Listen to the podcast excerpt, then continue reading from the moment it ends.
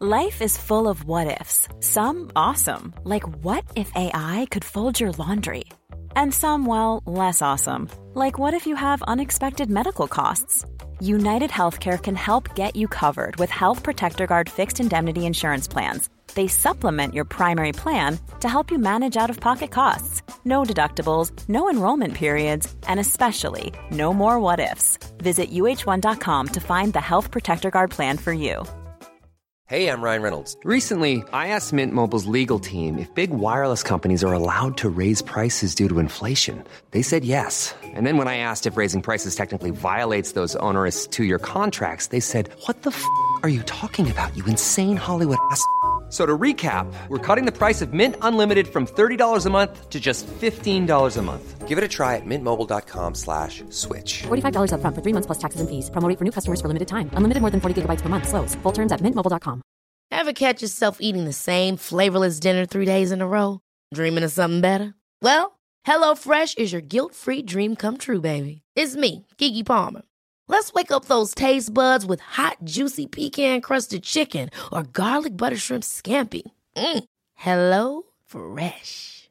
Stop dreaming of all the delicious possibilities and dig in at HelloFresh.com.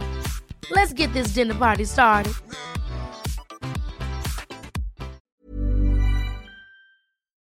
Sex av tio säger att de har eller har haft en kollega som dricker för mycket, enligt organisationen IQ. Det är ett känsligt ämne. Hur gör man?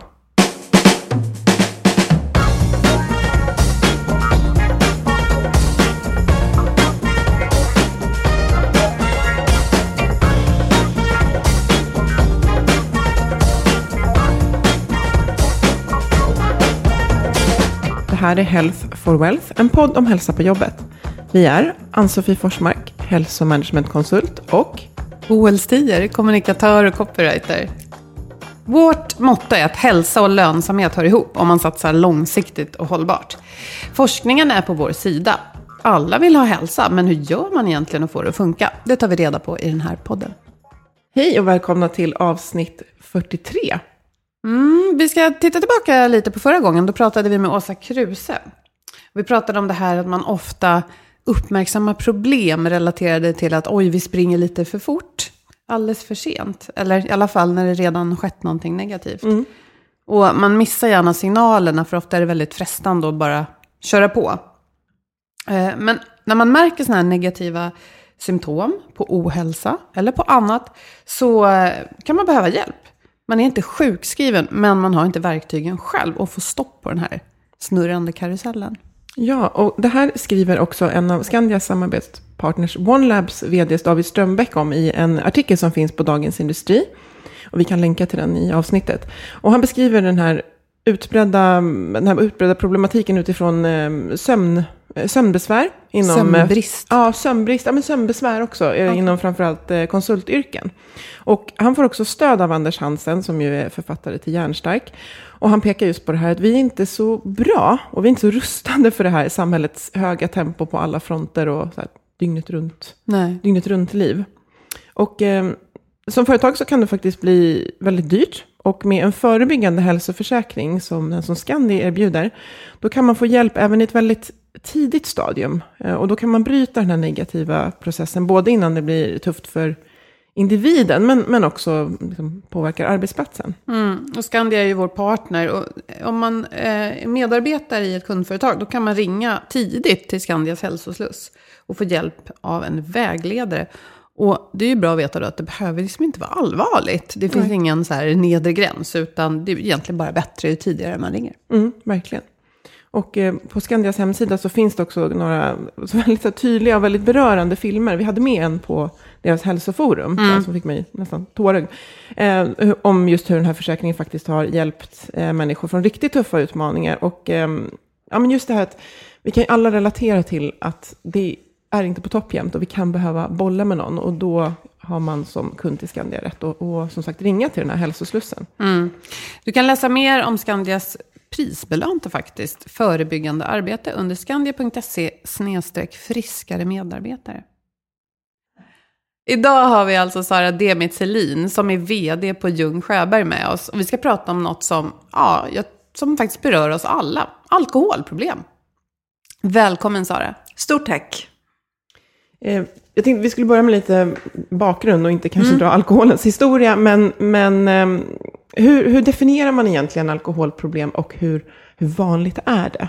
Mm, just det. Eh, hur man definierar alkoholproblem, det är ett väldigt liksom, vitt begrepp. Så att, eh, jag gör en variant utav det och definierar utifrån liksom, ett arbetsgivarperspektiv. Eh, och riktar mig liksom mot arbetsgivarna. Då. Men det man säger är att 20% utav den arbetsförbara befolkningen har ett skadligt intag utav alkohol, droger eller mediciner.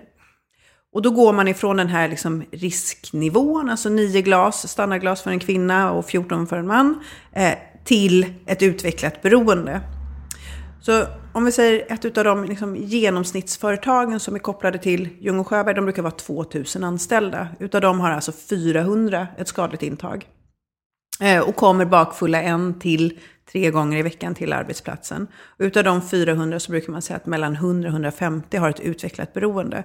Och då pratar vi kroniskt, fortskridande och dödligt. De flesta överlever inte ett beroende. Eh, Så så liksom ser det ut. Och, och det där kan man ju liksom utveckla liksom väldigt djupt. Men, men om man gör så att man tittar på det utifrån ett medarbetarperspektiv, liksom så, och sen så tittar man utifrån ett arbetsgivarperspektiv, så kan man ju se att utifrån ett medarbetarperspektiv så eh, skulle jag faktiskt säga att det här är en av de mest, för mig då, djävulska sjukdomarna som finns. För det tar sönder allting i en människa och drar oftast med sig allt som människan har runt omkring sig. Alltså familj, vänner, kollegor, hälsa. Liksom, allting hänger med. Eh, och det är en process. Eh, och den tar tid. Alltså för en alkoholist så tar det mellan 10 till 15 år. Är det narkotika inblandat så går det mycket snabbare. Och det är en successiv förskjutning utav gränser. Så det jag tyckte var okej för 10 år sedan, eh, eh, det har jag liksom vidgat ut till att ja, men jag tycker helt andra saker är okej. Jag tycker helt plötsligt att det är okej att ta en återställare på morgonen. Ehm, jag tänkte att ibland är det lättare att ge ett exempel. Mm. Eh, och jag är som sagt vd för Ljung och Sjöberg och eh, jag tycker att det är jättekul att vara operativ så att jag är överallt. Eh, och ibland så tillåter min behandlingschef Karina att jag sitter med i behandlingen. Eh, och då satt jag med i behandlingen här för ett tag sedan och då är det en kvinna som sitter där. Hon är inne i åttonde veckan utav sin mer intensiva del utav ett behandlingsprogram. Och hon har suttit med armarna i kors under hela den här tiden. Hon, hon har liksom inte velat delta. Eh, hon har dessförinnan gjort väldigt kraftigt motstånd till att vara i en utredning som hennes arbetsgivare initierade. Eh, hon kopplade in facket, hon kopplade in eh, jurister och till slut så hade hon liksom inget annat val än att liksom sätta sig här för att annars skulle hon i princip liksom inte kunna jobba kvar på den arbetsplatsen där hon jobbar. Hon var en högpresterande mamma med två barn, skild varannan vecka, liksom klassiken. Och efter ett antal veckor nu så, så uppstår det någonting mellan henne och terapeuten, en allians. Det betyder alltså att hon får ett förtroende för terapeuten och då får hon en uppgift med sig. Och under redovisningen av den här uppgiften, det är då jag sitter med. Och uppgiften som hon har fått är att tala om en konsekvens ifrån sitt drickande. Alla människor har en konsekvens, oavsett om vi är beroende eller liksom aldrig har druckit så har det någon gång blivit någonting, ett bråk med parten eller ja, så. Hon ska i alla fall berätta om den här konsekvensen och då berättar hon att ehm, eh, hon har som sagt varannan vecka vårdnaden om barnen. Eh, det är hennes vecka. Eh, hon ska baka pannkakor. Hon har en liten femåring och en liten sjuåring, två små grabbar. Och under det här pannkaksbakandet så tar mjölken slut. Och så säger den här, jag vet inte för alla er som lyssnar då, men, men om ni har haft små femåringar och sjuåringar. Eh, de här små femåringarna och sjuåringarna börjar säga, mamma det går inte att dricka vatten till, till pannkakor, då kan vi lika gärna liksom strunta i att äta pannkakor. Eh, och de är så ihärdiga. Eh, så att hon kapitulerar inför det här och går ner till den liksom, ah, lokala ICA-handlaren. Då. Eh, på vägen tillbaka så ser hon en halvbekant sittandes inne på eh, den lokala krogen och vinkar. Och hon har lovat sig själv att hon ska aldrig dricka när hon har sina barn. Så någonstans där bak liksom, så har hon tänkt att okej, det är ingen liksom, bra idé att blanda de två. Hur som helst, hon får en snilleblixt. Äh, det är fint väder, ett glas vin klarar jag. Så hon går dit, hon dricker ett, två, tre, fyra, fem. Hon kommer helt enkelt inte hem. Hon vaknar morgonen efter och då sitter hon vid entrédörren i en fåtölj. Klockan är någonstans runt tio. Genom liksom, trötta och mascara, klumpiga ögon så ser hon att femåringens kläder är borta och sjuåringens kläder är borta. Hon drar en slutsats, berättar hon. Eh, jag gör en liten paus här, för jag vill bara liksom berätta hur hon var vid det här tillfället. Vid det här tillfället så sitter hon på sin stol och jag funderar faktiskt på om hon kommer klara av att sitta kvar på den. För hela hennes kropp skakar. Mm. Det är en sån enorm ansträngning för henne att berätta det här. Och jag tror faktiskt att rent mentalt, själsligt, så håller den här gruppen som sitter runt omkring henne, de håller liksom ihop henne. För de tittar på henne och de nickar och de bekräftar liksom att ja, det här är okej. Och det är ju det som är styrkan med liksom gruppbehandling. Hur som helst, hon sitter där och hela hennes kropp har liksom börjat skaka så här. Hon berättar att hon drar slutsatsen att femåringen, eller sjuåringen har tagit på femåringen kläder, tagit femåringen till dagis och sjuåringen själv gått till skolan. Hon frågar den här gruppen, vi är nio personer i våra liksom, här behandlingsgrupper, så frågar den här gruppen då, vad tror ni jag gjorde? Vad tror ni de svarade? Tog en återställare. Ja. Och gick och drack. Och det visste alla de här nio. De sa det mer eller mindre i kano. Eh, för de är likadana som hon är. Så hon går in i köket. Och där har hon en in case of bag-in-box. Hon tar fram den, hon tappar upp ett, två glas vin. Hon ställer sig i duschen. Hon ställer sig i hissen. Eh, sätter sig i bilen. Och åker till jobbet. Det Kollar här... inte att barnen... Jag bara... Ja, så här, ja, eller hur? kollar inte att barnen är på skolan. Ja, nej, förlåt. Det Nej, blir helt nej. galet att höra. Och hon åker till jobbet. Och det här är tre år innan hennes arbetsgivare antagligen inte identifierar att det är någonting fel, för det tror jag att man har misstänkt under många, många år, men tar mod till sig och adresserar den här kvinnan. Och det är så vi kommer i kontakt med den här, eh, både kvinnan och med det här företaget. Och det här är en högpresterande liksom, eh, eh, kvinna i en liksom, tjusig dräkt med två små barn. Och jag vet att alla sitter och funderar på den där frågan, vad händer med barnen? Därför att det är den frågan jag ibland får. Det vet jag inte. Det förtäljer inte historien. Wow. Ja, det är otroligt. Alltså man blir verkligen så här bestört. Eh, Ja, men, och jag ja. tänker också så här, eh, jag funderar över min egen reaktion, bara intressant, för att jag tycker, eh, liksom, synd om henne är kanske fel ord, men jag tänker att fasen att den här kvinnan inte hade fått hjälp tidigare. Och sen när jag tänker det så tänker jag, men varför blir jag inte mer arg på henne för att hon beter sig så som mamma? Borde inte det liksom vara den första reaktionen?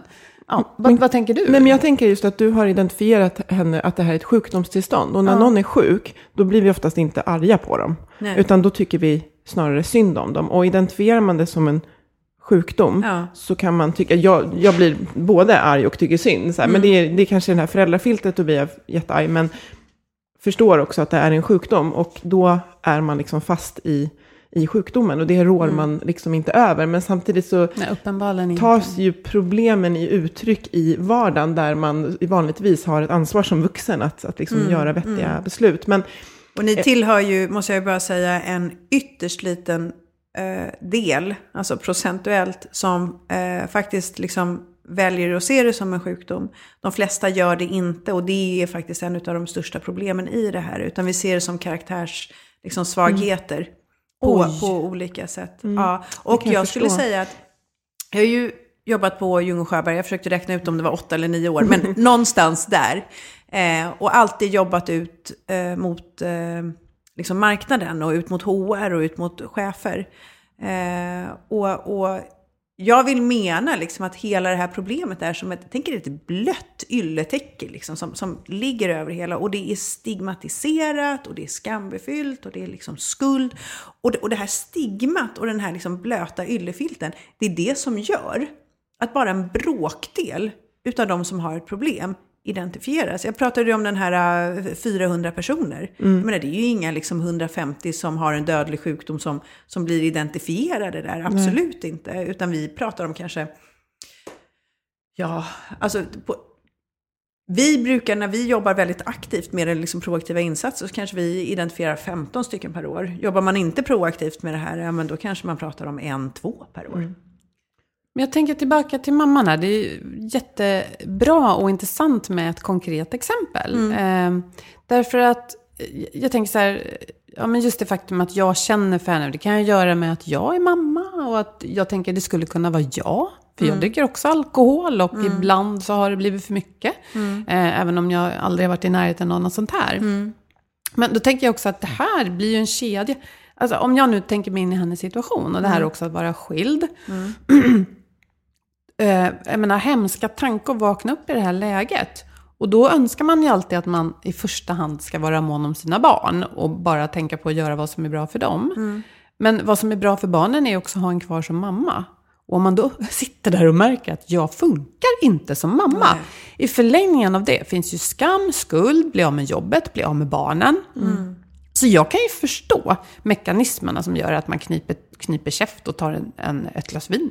Alltså jag kan faktiskt förstå det. Och det har väl att göra med det här tabut då, som du säger att, ja, gör du sånt här så sopar du under mattan, för annars går det ännu mer illa för dig, eller hur? Jag tror att det är tvådelat. Eh, eh, jag tror att så här, jag tror, eh, och nu får ni lite mer utav liksom Sara än, än, än liksom vd-Sara, mer liksom Sara. Så jag, jag, jag tror ju någonstans att eh, alla människor liksom längtar efter att känna sig och bli liksom älskade.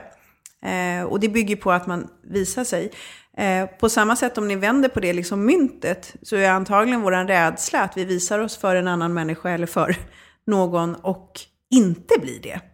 Eh, och jag tror att i den här situationen har du så tungt bagage. Alltså du har så mycket konsekvenser. Så att när jag säger att det här är en överjävlig eh, eh, sjukdom som tar sönder liksom verkligen allting inom en och allting runt omkring en. Så utvecklar man ju sig själv genom de valen man gör. Man är ändå vuxen människa när man gör de här valen. Eh, till en person som man inte kan stå för.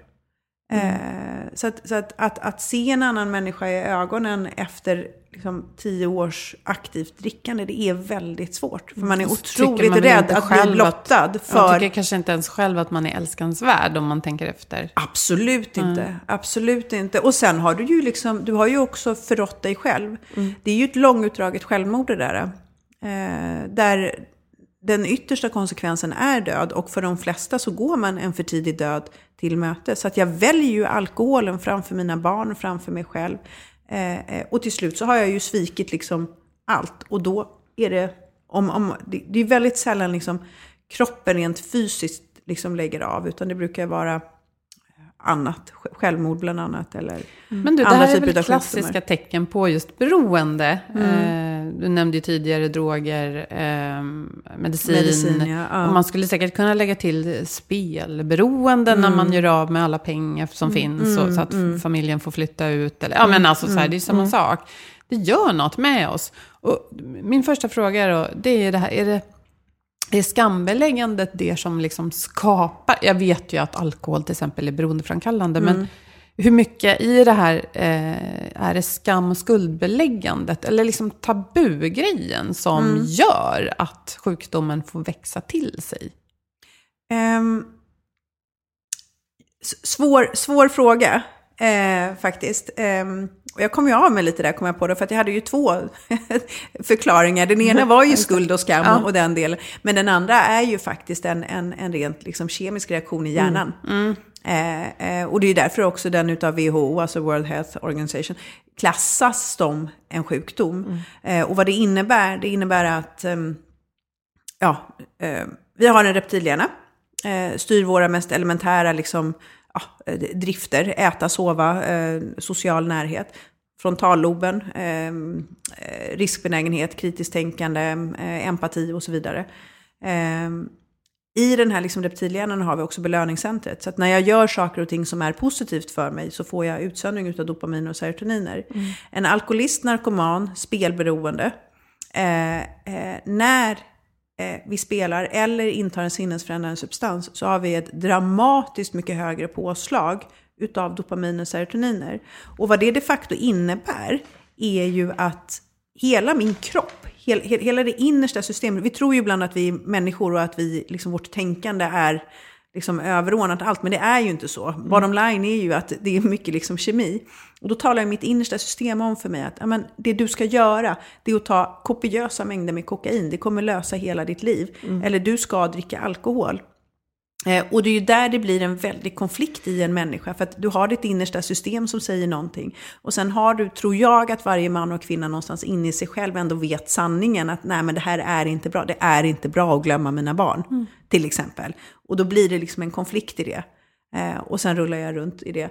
Men man ska också ha med sig att eh, eh, människor dricker för den effekten det får. Eller människor tar eh, mediciner. Eh, Ja, om det inte gav någonting som kändes trevligt för stunden, då skulle ju ingen nyttja droger Nej. eller någonting. Så Nej, det är ju viktigt. precis. Eh, jag skulle vilja lägga till en sista liten sak, för nu pratar vi liksom om den yttersta tippen Mm. på det här problemet. Eh, och vad som driver mig, alltså verkligen, liksom, det, det, det som gör att jag har liksom engagerat mig så helhjärtat i Ljung och Sjöberg under alla de här åren, det är att om jag kan komma in tidigare än att det här beroendet har utvecklats och rädda, alltså jag struntar, det, det, det kan vara en person från att ha de där liksom sista åren, så är det ju värt det. Eh, och där tänker jag bara liksom slå huvudet utav en myt. Förut sa man så här att ja, men det är en viss del av befolkningen som kanske som, som utvecklar det här. Men där vill jag bara säga en gång för alla, den är fullkomligt liksom demokratisk och jämställd. Den tar inte hänsyn till om man är Ja, för man kvinna har eller pratat man. om eller... så här genetiska, liksom, Ja, att man är... Hereditet, ja. Ben, ja. Det är klart att det finns en liten sån faktor. Eh, men alla kan utveckla ett beroende, givet att du dricker de mängderna. Eh, så, så så är det. Men där, där har vi i alla fall liksom individen. Eh, eh, och eh, sen har vi liksom de som är runt omkring. Eh, om jag liksom nämnde att för individen så fanns det en normaliseringsprocess. Alltså jag normaliserar olika beteenden. Eh, eh, att vakna upp och ha kissat på mig är ingenting som jag tycker är okej 15 år tidigare. Och sen blir det en grej som jag till slut bara liksom struntar i. Och ah, shit, nu händer det igen. Eh, så sker den normaliseringen faktiskt med omgivningen också. Alltså vi accepterar mer och mer saker. Ehm, och om man tittar utifrån ett arbetsgivarperspektiv då, eh, för det är ju det som är, tycker jag, väldigt intressant, för att arbetsgivare har en unik möjlighet faktiskt. Ehm, eh, så har vi, vi har utbildat, alltså vi, vi har utbildat så många tusen chefer. Allt från ny som chef på ICA-skolan till IFLs Executive MBA-program. Vad är IFL? Ja, okej. Ehm, i- Det tillhör Handelshögskolan. Eh, Och Executive MBA, det är alla direktörer som sitter där och har varit chefer i, i massvis med år. Ehm, och då kan man ju tro att det skulle finnas en skillnad mellan dessa personer som har varit ledare i, i liksom 15-20 år och de som går på ICA-skolan där. De har varit chefer i två, tre dagar. Eh, Men när det kommer till den här problematiken så är de exakt likadana. Vi ställer frågan, när du känner en oro för en medarbetare och du tror att det kan handla om alkohol och droger, varför agerar du inte? Och alla de här tusentals personerna, oavsett längd och, och liksom senioritet i ledarskap, svarar samma sak. Vill ni gissa? nej. det vill ni inte. Jag vet inte hur jag ska göra, tror jag är svaret. Nästan. Tänk om jag har fel. Ja, Skuldbeläggandet igen då. Mm. Tänk om jag oskyldigt anklagar min medarbetare för att vara en sån där. Eh, och där var jag ändå hyfsat imponerad över ditt svar när du direkt kunde liksom lägga en skillnad mellan sjukdom och karaktärsdefekt. Därför att tänk om jag har fel här, är inte utifrån ett sjukdomsperspektiv, för då hade det varit neutralt. Tänk om jag som berättar du- för den här människan att den är en dålig människa. En Lite- ryggradslös amöba som inte förtjänar att vara här. Där någonstans. Eh, För att ställer man sen en fråga, eh, vad är en alkoholist? Då sitter alla och skruvar på sig, ingen vill svara. Och sen kör man liksom rysk roulette, man pekar med hela handen, man blir dominant och säger okej, nu, du, liksom fram med ett attribut. Och då kryper det fram. Karaktärssvag, dålig disciplin, eh, eh, värdelös förälder, eh, låg moral, misslyckad, luk- luktar illa. Och sen kommer lite sådana här också, mm, estradör på fester och, och duktig ibland och, och fin fasad och sådär. Men Då hur som måste helst, väldigt liksom, många som säger det här själva ha ett problematiskt förhållande till alkohol med de siffrorna du gav oss i början. Så det betyder att man säger det här lite om sig själv också då ju. Ja, det, det är jättekul faktiskt. För att, eh, jag är lite sådär liksom överjävlig när jag utbildar för jag tycker det är kul. Men, men eh, har vi då en grupp på sig 50 personer, eh, då har ju 10 stycken där inne ett, ett liksom problem och ja, någonstans två, tre utav dem ett, ett allvarligare problem. Det brukar jag säga liksom här i pausen så har jag tagit med mig mina kollegor. Vi kommer göra en medicinsk undersökning på er.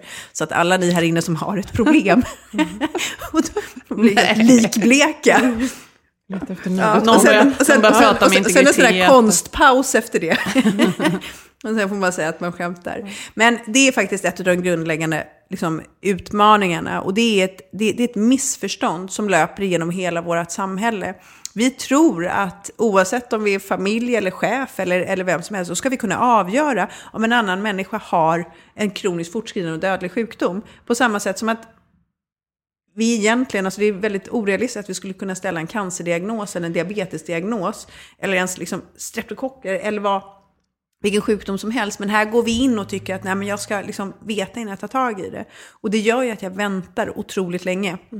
Jag väntar i år och jag samlar bevis och till slut så har jag liksom lika mycket bevis som böcker i det här rummet. Alltså det, det, Och man kanske n- känner sig tvungen då, att det är då man agerar. Ja, och varför det? Jo, därför att jag går in i ett samtal då. Och då kommer du som min medarbetare inte kunna motsäga mig. Utan jag kommer kunna ta hela min liksom bevisbörda, så kommer jag kunna dunka den i huvudet på dig och säga, men nu är det så här, du är alkoholist. Eh, och du ska göra så här. Jag skulle vilja, för nu är vi inne på arbetsplatsen känner jag, och då skulle jag vilja bara backa ett steg och så här, hur, för det här behöver jobbas med och du pratar om att arbetsgivaren har ett unikt ansvar och möjlighet. Hur ska det se ut på en arbetsplats? Vad ska finnas på plats för att man ska arbeta proaktivt med det här som ju vi alla, antar jag, känner är liksom det, det bästa. Vad behöver finnas på plats? Det som behöver finnas på plats är... Det, det grundläggande är ju en förståelse för att jag behöver liksom adressera den här frågan liksom utifrån två perspektiv. Det ena är faktiskt ren och skär organisationsförändring. Du behöver gå ifrån ett passivt agerande, alltså där vi eh, är rädda, rädda, rädda, inte handlar, till att ha ett aktivt agerande och agera i ett tidigare skede än när medarbetaren kommer full på arbetsplatsen. Och det innebär sådana saker som liksom policies, handlingsplaner, eh, utbildning med facket, eh, samverkan, att, att man liksom hittar gränssnitt mot företagshälsovården. Vi tror att man behöver vara specialister för att liksom hantera det här. Eh, utbildning utav chefer, eh, mycket information. Och vi brukar säga att det tar två år för att få ett skifte. Och då arbetar vi väldigt dedikerat. HR är de vi arbetar tillsammans med. Det är vår absolut viktigaste part. Och för att få ett skifte, det brukar ta två år. Och sen behöver man bibehålla och fördjupa det där skiftet. Och allt det där handlar om, det är att gå från tanke till handling. Fast du känner den här oron. Och få någon form av grundläggande förståelse för att jag behöver inte ha rätt. Jag behöver inte vara hundraprocentigt säker på att jag har rätt, utan jag behöver agera när jag känner en oro. Så det är liksom den ena delen. Den andra delen är ju att du behöver ha rehabprocesser som är arbetsgivarinriktade. Här bara tar jag några korta sekunder på att bara säga att vård i Sverige bygger på fyra liksom grundläggande principer. Ett, jag söker vården själv. Eh, två, finns det fria vårdvalet så jag väljer vem jag går till. Eh, tre, eh, jag träffar min läkare och jag får en ordination. Jag väljer helt och hållet själv om jag tar den eller inte. Och fyra, jag väljer själv om jag berättar för min man eller för min arbetsgivare. Så. Om ni tänker er den här kvinnan och så tänker ni de här liksom grundläggande principerna så förstår man rätt snabbt att nej, men det kommer inte lyfta. Alltså det kommer inte bära att ha den. Så du behöver ha arbetsgivarinriktade liksom, processer. Och det innebär att den som initierar en utredning, det är arbetsgivaren. Det är inte medarbetaren, för då, ett, de flesta kommer dö och liksom, det kommer kosta enorma summor pengar och då kommer vara skada på varumärke och, och säkerhetsrisker och så vidare. Så att arbetsgivaren initierar. Som arbetsgivare har man en rättighet att anvisa vårdgivare. Så man kan säga, men jag hör att du vill gå till den här äh, healen på Sankt Eriksplan.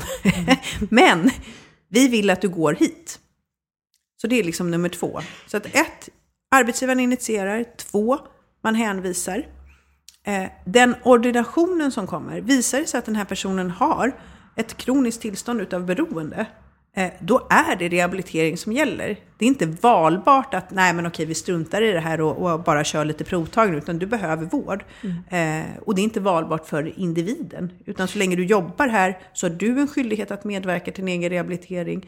Och vi som arbetsgivare har ett rehabiliteringsansvar för det här. När du säger skyldighet, eh, är det i lagtexten eller tänker du att arbetsgivaren har möjlighet att upprätta sådana krav? Både och. Både och. Eh, och vår varma rekommendation är ju att du har både och. Ehm, så att arbetsgivare är ju skyldiga, alltså har ju ett rehabiliteringsansvar.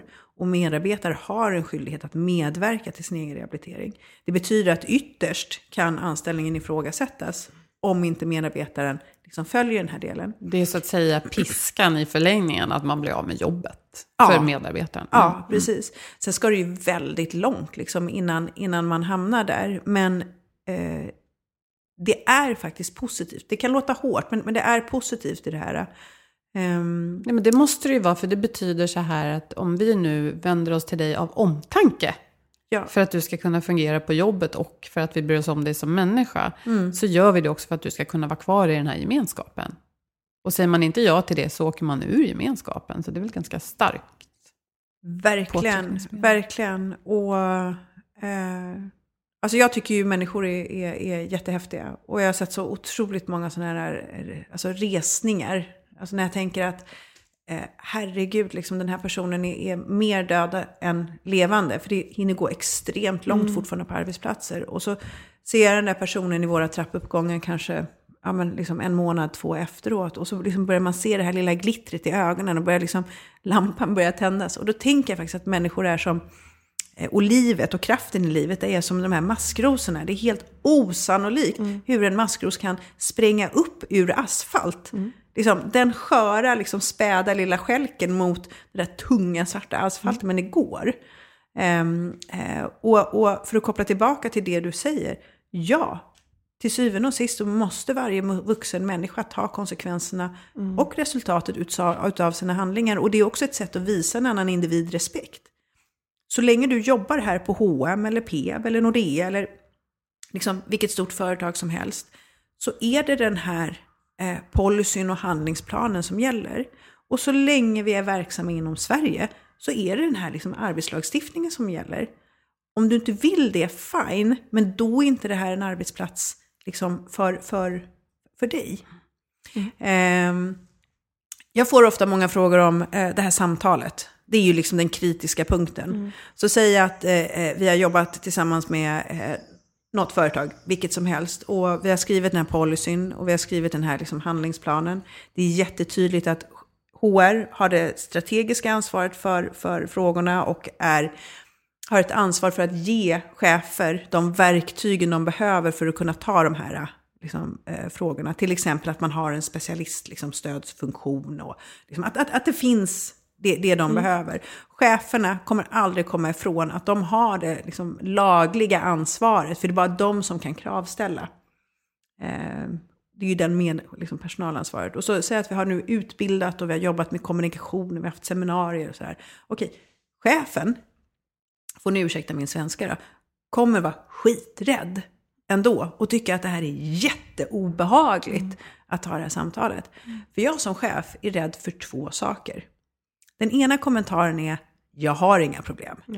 Och då är det så här, shit, vad gör jag nu? Nu, nu? nu ska vi se min bevisbörda här som jag ska argumentera med den här medarbetaren om att jag har rätt och, och liksom hon eller han har fel. Så, Men det är den första, nej jag har inga problem. Och den andra är, jag vill inte. Shit, kommer det en gång till. Hur gör jag nu? Kan jag liksom tvinga min medarbetare? Så. Okej, så att vi säger att vi sitter i det här liksom, eh, eh, samtalet nu. Jag har blivit coachad, jag har fått ett samtalsmall, jag har liksom fått all liksom, uppbackning jag, jag, jag kan ha från specialist och från HR och sådär. Och så sitter jag där och så säger jag så här, ah, okej, eh, eh, jag känner en oro för dig. Eh, och när jag ser de här signalerna, då radar jag upp kanske tre konkreta signaler. Eh, svajande arbetsprestation, eh, sena ankomster eh, och du blev lite för full nu här på julfesten. Till exempel. Ja. Då har jag en skyldighet i enlighet med vår policy och vår handlingsplan eh, att initiera en medicinsk utredning. Då kommer det. Jag har inga problem. Vad är det du säger till mig? då lutar jag mig bakåt. Jag kan nästan rent fysiskt göra det bara för min, min egna skull. Så kan jag luta mig bakåt så kan jag som chef säga att vet du vad, huruvida du har ett problem eller inte, kan inte jag veta. Jag är inte kvalificerad nog, jag är inte läkare. Eh, men vi har specialister och skulle det visa sig att du har ett problem, då vill vi jättegärna hjälpa dig. Och är det inte det här, då får vi gå vidare till företagshälsovården eller till vår liksom försäkring eller liksom vart liksom vi har, mm. har hjälp. Så det är den första. Och sen kommer den andra, jag vill inte.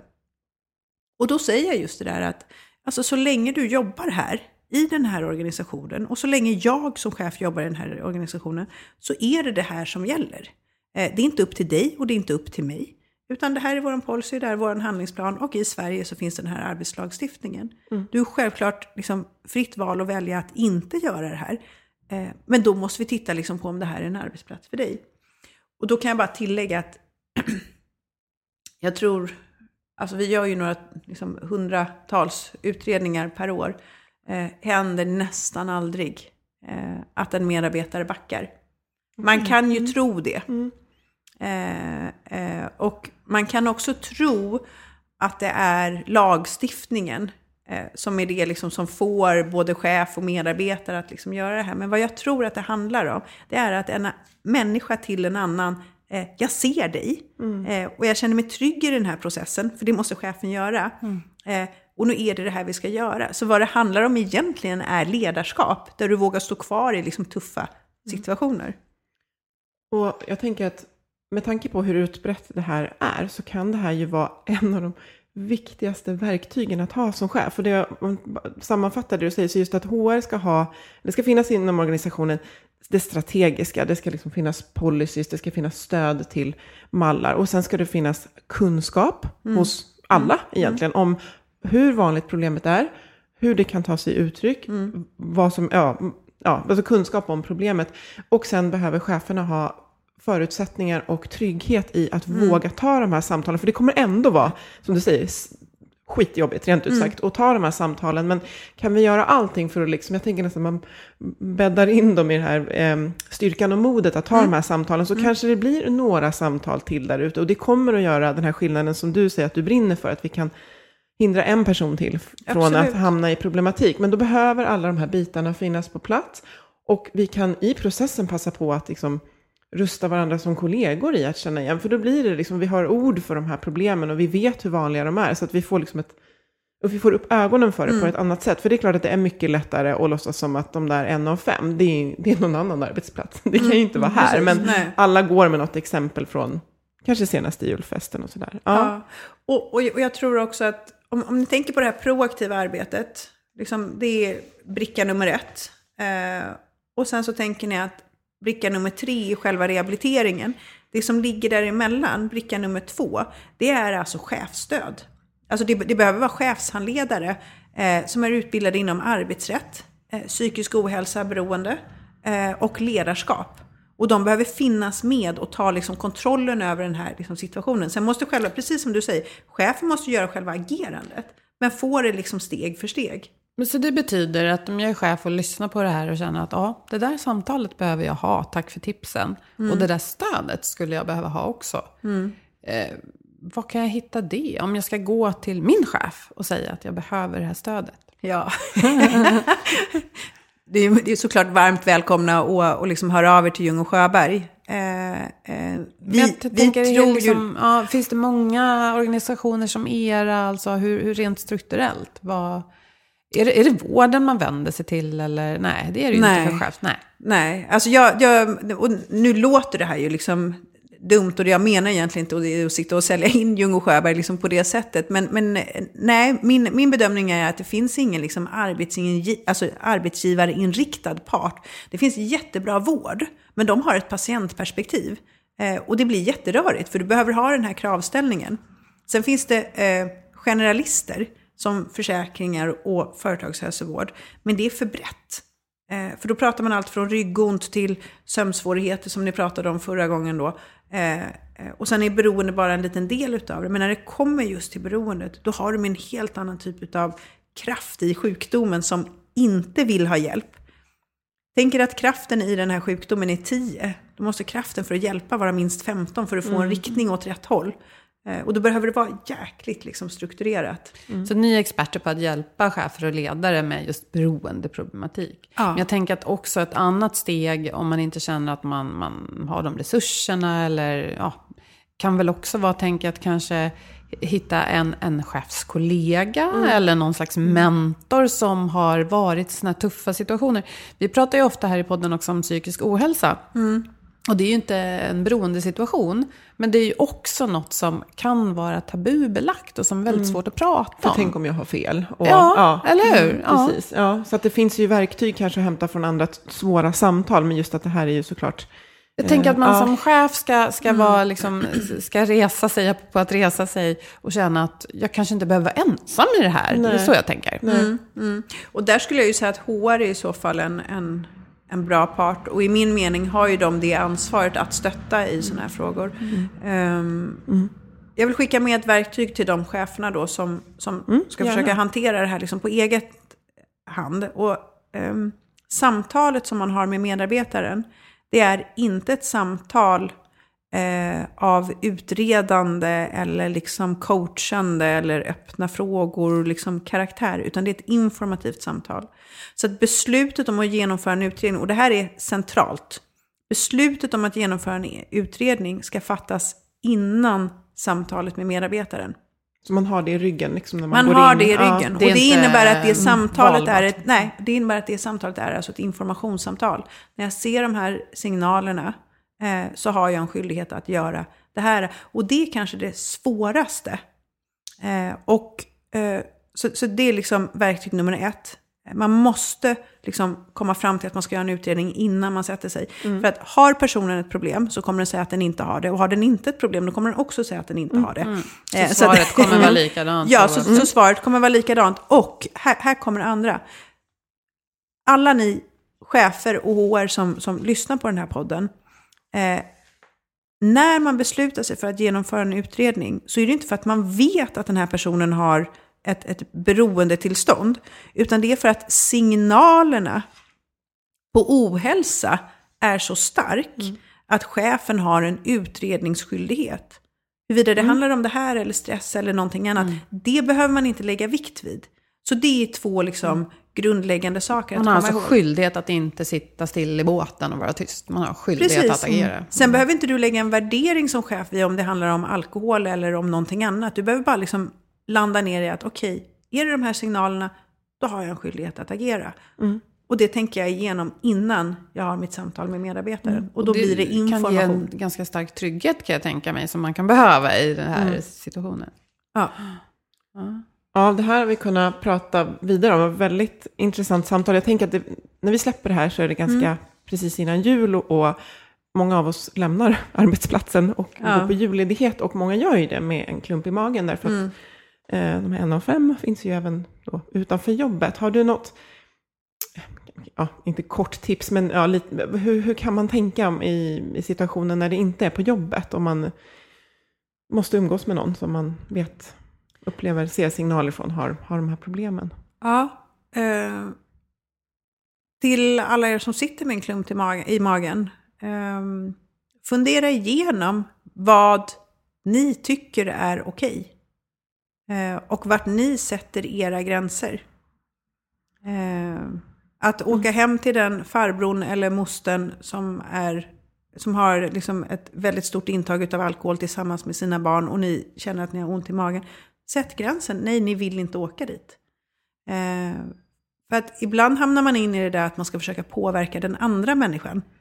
Eh, och det är egentligen det jag vill säga, nej men strunta i det. Gå till er själva. Eh, vad känns okej för mig och min familj?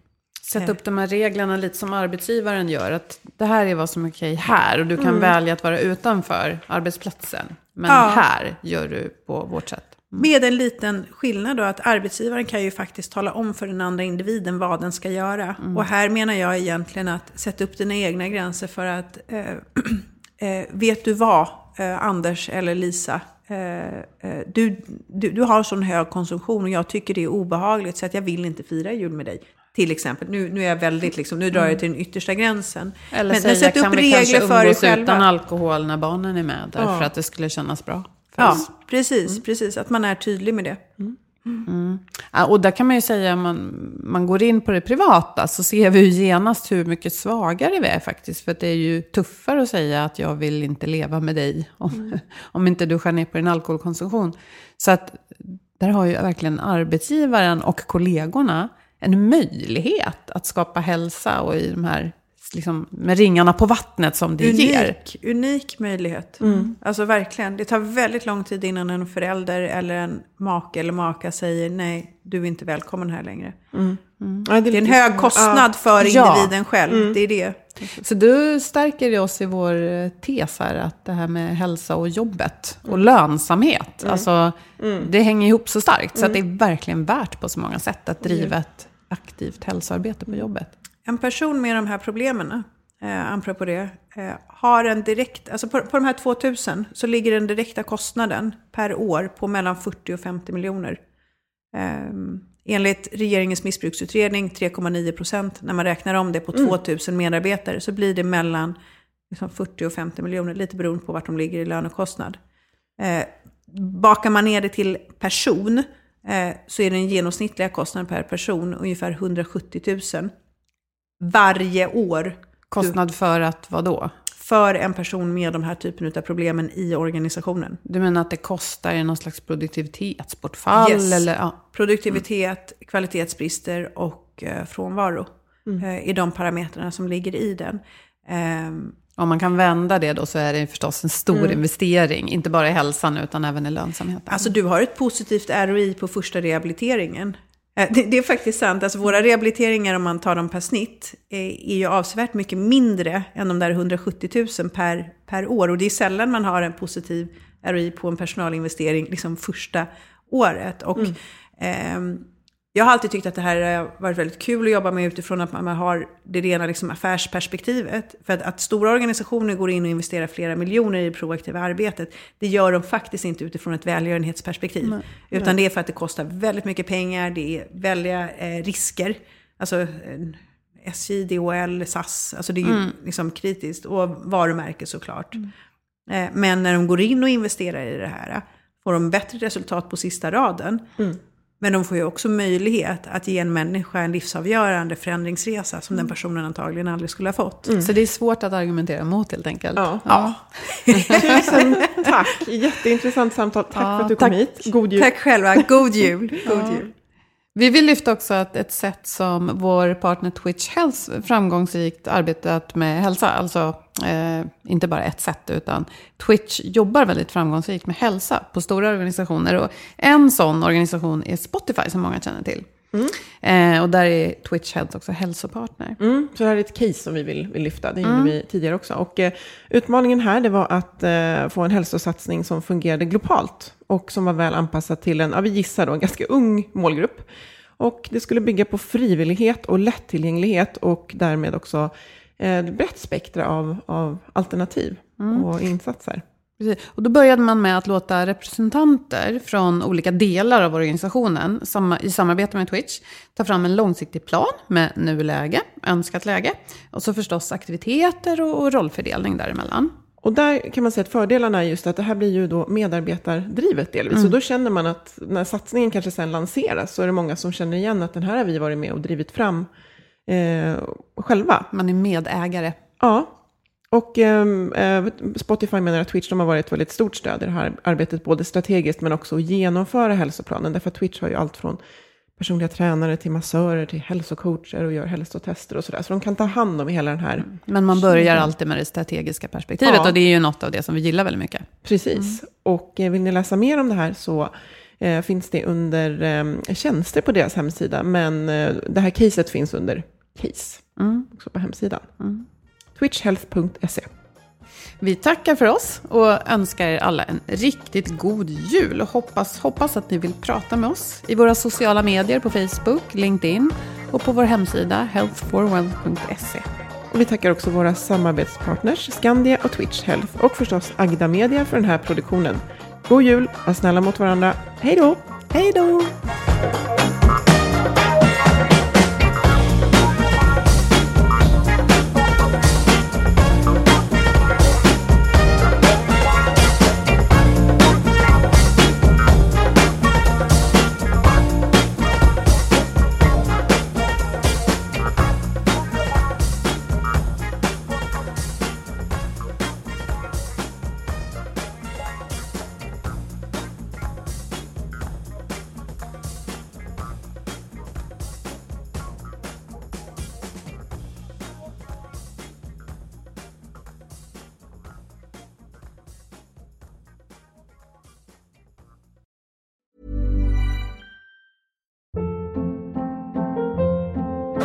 Hold up. What was that? Boring. No flavor. That was as bad as those leftovers you ate all week. Kiki Palmer here, and it's time to say hello to something fresh and guilt-free. Hello Fresh. Jazz up dinner with pecan-crusted chicken or garlic butter shrimp scampi. Now that's music to my mouth. Hello Fresh. Let's get this dinner party started. Discover all the delicious possibilities at hellofresh.com. Planning for your next trip? Elevate your travel style with Quince. Quince has all the jet setting essentials you'll want for your next getaway, like European linen, premium luggage options, buttery soft Italian leather bags, and so much more. And is all priced at 50 to 80% less than similar brands. Plus, Quince only works with factories that use safe and ethical manufacturing practices. Pack your bags with high-quality essentials you'll be wearing for vacations to come with Quince. Go to quince.com slash pack for free shipping and 365-day returns. Imagine the softest sheets you've ever felt. Now imagine them getting even softer over time. That's what you'll feel with Bowl and Branch's organic cotton sheets. In a recent customer survey, 96% replied that Bowl and Branch sheets get softer with every wash. Start getting your best night's sleep in these sheets that get softer and softer for years to come. Try their sheets with a 30-night guarantee. Plus, get 15% off your first order at bowlandbranch.com. Code BUTTERY. Exclusions apply. See site for details.